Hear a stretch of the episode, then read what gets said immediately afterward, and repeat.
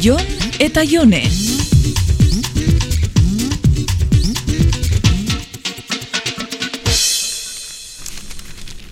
Bera, bera, ze, ze jartzen duen hemen.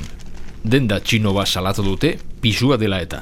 E, pixua. Bai, bai, bai. Baina ze frutia behasi dira saltzen txinuetan ero zer. Ez, ez, pisu horiek ez, pesak, entzun bera. Ariketak eiteko kilo bateko pesak saltzen zituzten, baina pesa bakoitzak zazpirun dagoi gramo pisatzen zitun.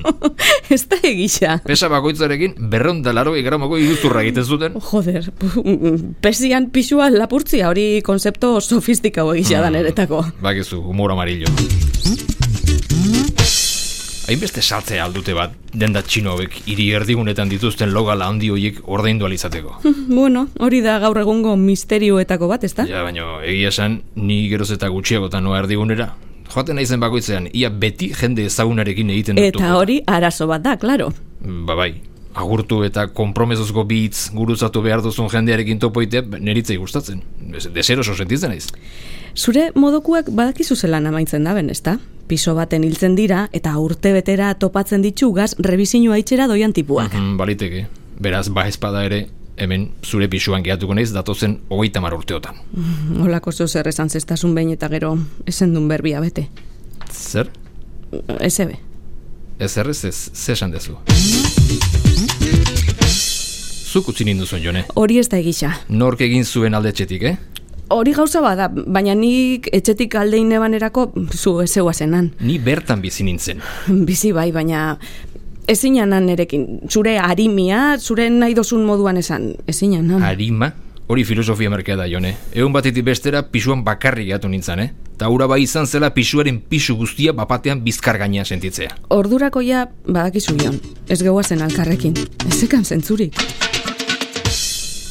Pisu elkarrekin konpartitzen genuen eta han utzi ninduzun, etzen idan inolako azalpenik eman. Ezen duan azalpenik entzun nahi. E, nuen zure abokatuen... Nere gurasuen Mm, abokatuen. Zuen abokatuen azalpenik nahi, ez bota beti errua zure gurasoei. Zure azalpena nenituen, zurekin hitz egin.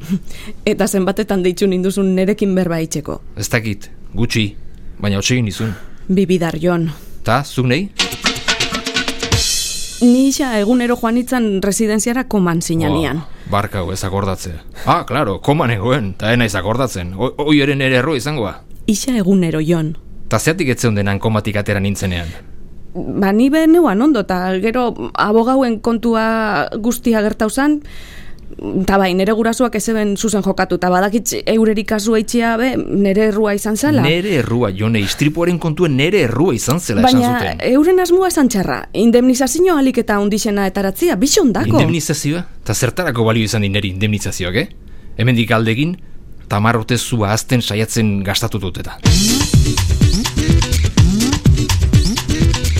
Jon, Neri bota zidaten errua, jone. nora zoiaz, Jon? Etxera, bueltan bat eman beharra daukat.